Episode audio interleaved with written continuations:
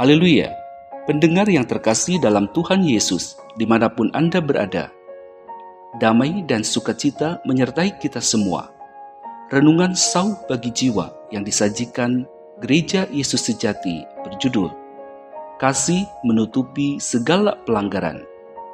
Dalam nama Tuhan Yesus, membacakan renungan firman Tuhan.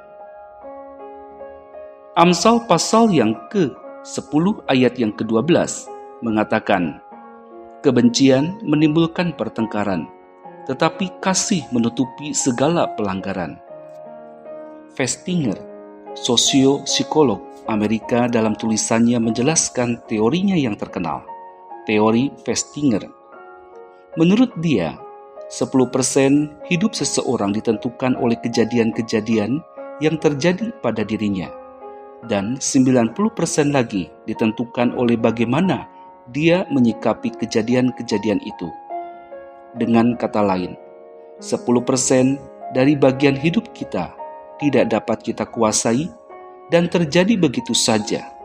Sedangkan yang 90% adalah bagaimana perasaan dan reaksi kita terhadap kejadian dan peristiwa itu. Yang 90% ini sedikit banyak masih dapat kita kuasai. Dari satu kejadian yang sama, jalan pikiran dan sikap yang berbeda akan menghasilkan keputusan dan tindakan yang berbeda. Jadi, sudah barang tentu, akibat atau hasilnya pun berbeda. Bila Anda memilih benci, maka akan timbul perselisihan. Tetapi bila Anda memilih kasih, maka ia dapat menutupi segala pelanggaran sama seperti sewaktu Yusuf menjadi mangku bumi di Mesir. Ketika saudara-saudaranya yang dahulu mencelakainya datang, dia bisa saja mencelakakan mereka dengan mudah. Tetapi Yusuf memilih mengampuni, dan hasilnya satu keluarga besar dapat hidup rukun. Hal ini terlukis dalam nama kedua anaknya, Manasye yang artinya melupakan Efraim artinya mendapat anak. Atau terjemahan lain berbuah. Yusuf menutupi segala kesalahan dengan kasih. Dia bukan saja dipuji dan dikasihi oleh orang, tetapi juga dipuji dan diberkati Allah. Lalu Daud yang terus dikejar oleh Saul, dia tidak pernah mengeluh dan menerima semuanya dengan berdiam diri. Akhirnya dia mendapatkan kedudukan raja dengan damai, juga mendapatkan mahkota kerajaan surga. Sewaktu Tuhan Yesus disalib, bukan saja dia tidak mengutuk orang-orang yang menyalibkannya, sebaliknya memohon mereka kepada Allah. Ya Bapa, ampunilah mereka, sebab mereka tidak tahu apa yang mereka perbuat. Sewaktu Tuhan Yesus disalib, bukan saja dia tidak mengutuk orang-orang yang menyalibkannya, sebaliknya memohonkan mereka kepada Allah. Ya Bapa, ampunilah mereka, sebab mereka tidak tahu apa yang mereka perbuat. Lukas pasal 23 ayat yang ke-34.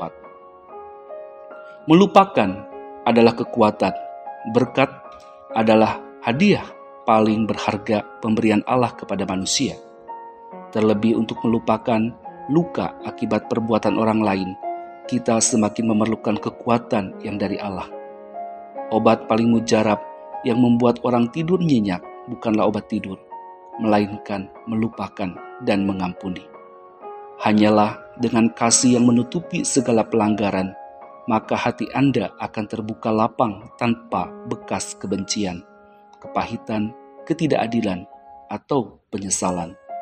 Maka setiap malam anda dapat tidur menikmati penghiburan dan pelukan Tuhan.